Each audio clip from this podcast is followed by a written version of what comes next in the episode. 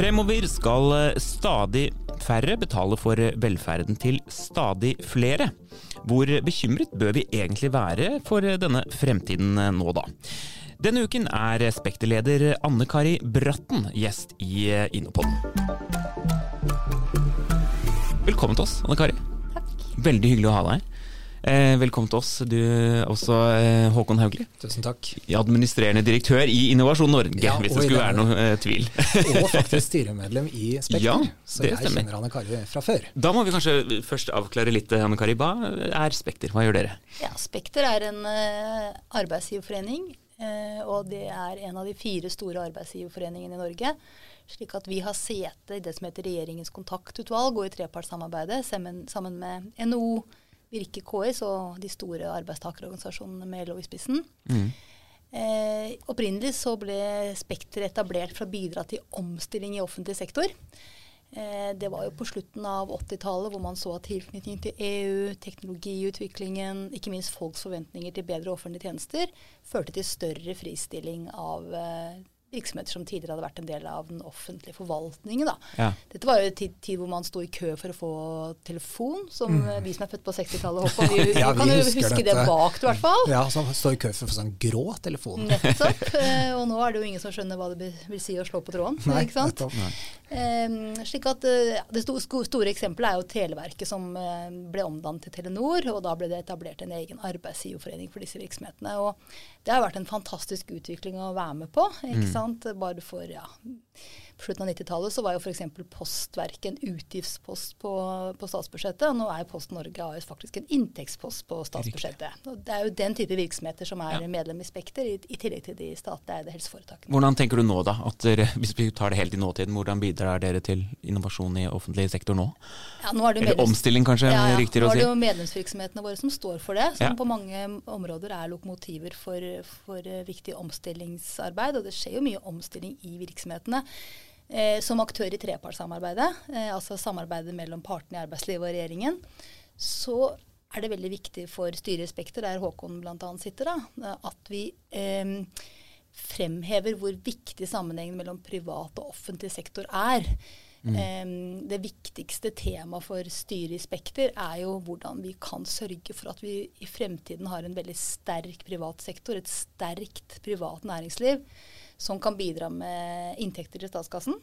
Eh, og på den måten bidra til å finansiere den velferdsstaten de aller fleste av oss er så uendelig takknemlige for, men som altså står overfor så massive utfordringer Ja. i årene framover. Hvor bekymret er du? Altså, i, i det sporet der. Jeg er, jeg er veldig bekymret for en del trekk ved arbeidslivet. Det er f.eks. slik at vi i Norge er, pleier å være veldig stolte av at vi har høy sysselsetting. Mm. Vi, I mange år så lå vi på verdenstoppen i sysselsetting. ikke sant? Alle var i arbeid. og Hele byggingen av Norge etter krigen baserte seg på at alle skulle i arbeid. Kvinner og menn raskt ute med, med full barnehagedekning osv. Eh, nå er det faktisk land som både Sveits og Tyskland, til og med Sverige, har høyere sysselsetting enn eh, Norge nå. og Det syns jeg er underkommunisert. Slik at Sysselsettingen i Norge er fallende i en tid hvor vi trenger mer og mer arbeidskraft. Og verre enn det egentlig er jo at eh, det er mange mennesker som ikke er sysselsatt i det hele tatt. Altså det er jo en, nesten én av fem i arbeidsfør alder i Norge som ikke jobber noen ting, og som er på en helserelatert trygdeytelse. Veksten i unge uføre f.eks. er på nesten 50% bare på ti år. Slik at vi har nesten én av fem unge mennesker som ikke jobber og står utenfor arbeidslivet fordi vi som samfunn ikke har klart å gi dem kompetanseutvikling nok til å delta i arbeidslivet. Og fordi vi ikke klarer å gjøre det, så må de ha en inntekt. ikke sant? Og hva gjør vi med dem da? Jo, vi gir dem en diagnose, da, liksom. Så får de trygd, og så går de på trygd. De begynner med det når de er i begynnelsen av 20-årene.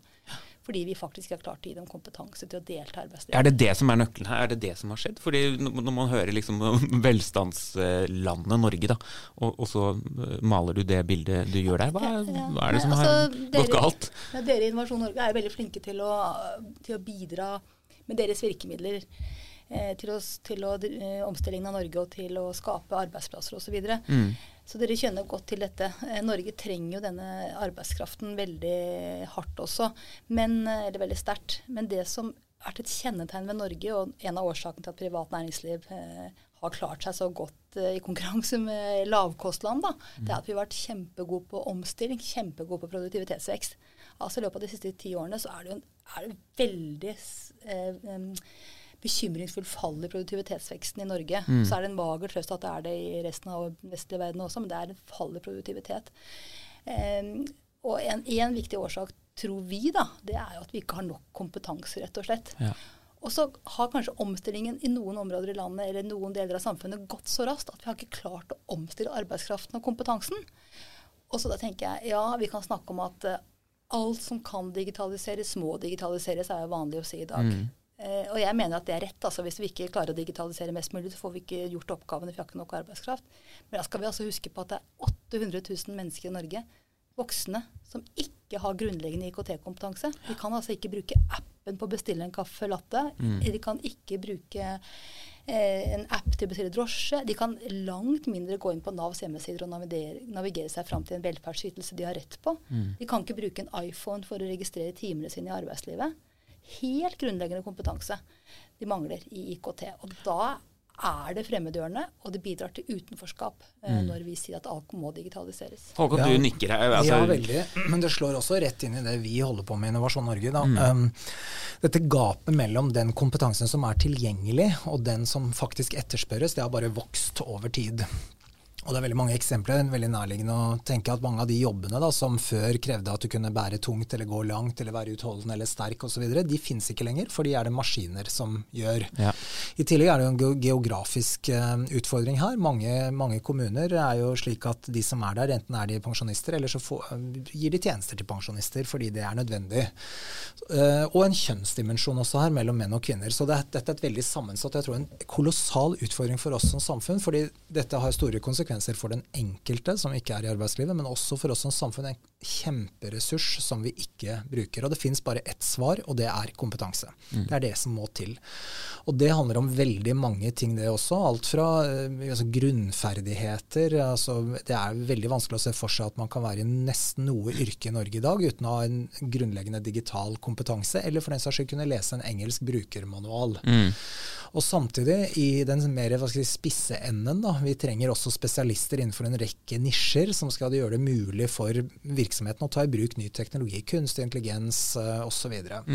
så det finnes, her er det på en måte kompetanse, det er, er åpenbart svaret. men Verktøyene for å få dette kompetanseløftet de er veldig mange, og de må samspille med hverandre. Og her, Dette blir en kjempeutfordring for eh, den nye regjeringen og for oss som samfunn.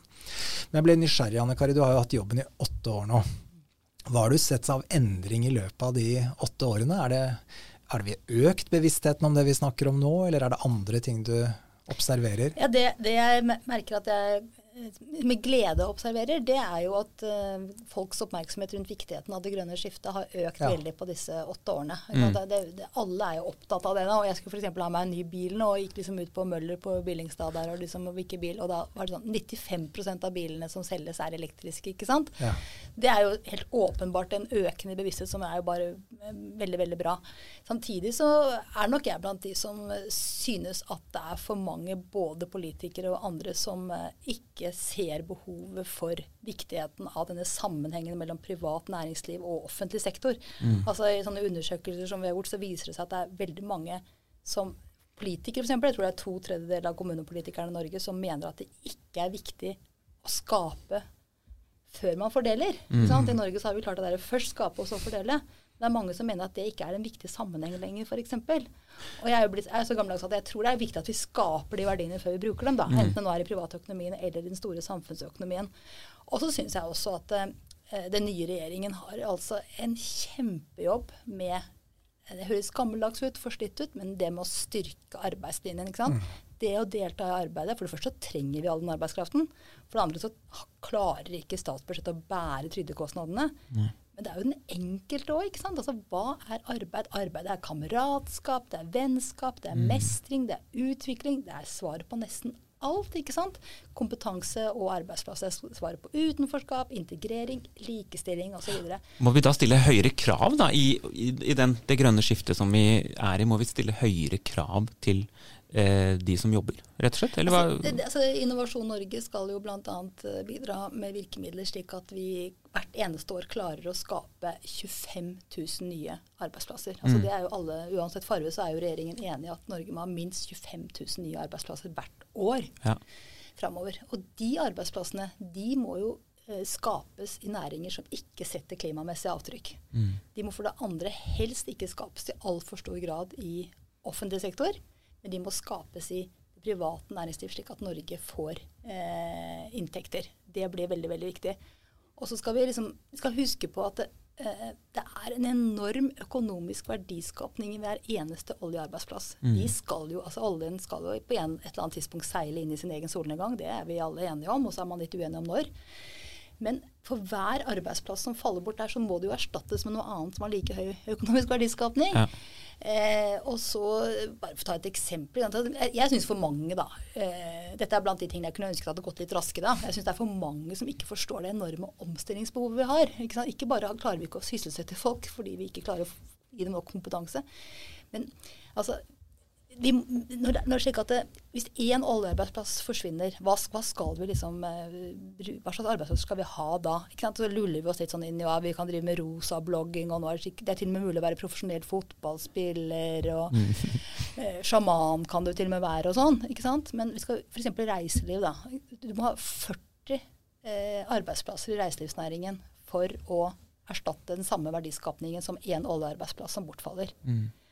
Og jeg tror det er mange som skal jobbe i reiseliv og turisme, men jeg tror ikke det er nok. altså. Nei. Så det å skaffe nye næringer som gjør at Norge kan selge til utlandet og få inntekter for å finansiere verdens beste velferdsstat, det er viktig. I tillegg til at velferdsstaten må omorganisere seg og omstille seg innenfra også. Har det blitt en sånn elefant i rommet, Håkon? At det ikke ja, Nei, det, det, tror jeg ikke. Men um, altså jeg, grunnleggende så er jeg, vil jeg si, optimist, da. Fordi um, jeg tror denne forståelsen er der. Mm. Men vi har veldig dårlig tid. Eh, det skal skje fort å skape, og vi må ha en Det vil være plass til en og annen sjaman. Og det vil være Vi kan både ha duftlys og, og mye annet. Mm. Men vi trenger de næringene som uh, skaper høy, uh, høye verdier per sysselsatt. Og det er viktig. Og der har vi et godt utgangspunkt. Det Utfordringen vår som land er å omsette det gode utgangspunktet til faktisk faktiske næringer. Mm. Innenfor batterier, innenfor havvind, innenfor hydrogen, innenfor elektrifisering, elektriske systemer. Vi har fantastisk kompetanse. Mye av det kommer fra olje- og gassektoren, og der ligger det også høye marginer for Norge framover. Mm.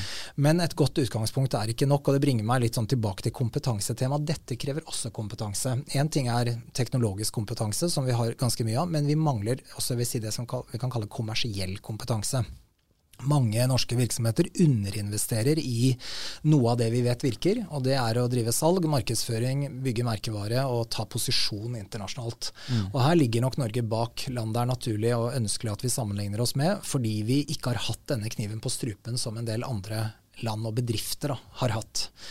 Så her er det et stort løft som skal til. Mye av dette handler om kompetanse. Men det handler kanskje også litt som vi skal være litt selvkritisk, litt kulturelt også. For mange av oss tror at dette kommer til å skje av seg selv. For ja. vi konstaterer at vi har greid det før, og at vi har et godt utgangspunkt. Og så tenker vi da kommer vi til å greie det igjen. Det vil ikke være oppskriften. Vi må mm. bruke mange ulike virkemidler for å få dette til. Og da snakker jeg ikke om Innovasjon Norges virkemidler, men det krever en helt annen mobilisering. Litt sånn som da vi fant oljen hvor vi mobiliserte både forskningsmiljøer, utenlandske investorer, kompetanse, lagde kompetansearenaer, utdanning, for å gripe den muligheten. Det er en annen situasjon nå, men det er litt samme type bred mobilisering vi trenger. Og der er vi ikke som, uh, som land. Til slutt, Anne Kari, det er jo kanskje et stort spørsmål å avslutte med, men hva, hva skal til, da? Hva, hva er oppskriften, sånn som dere ser det?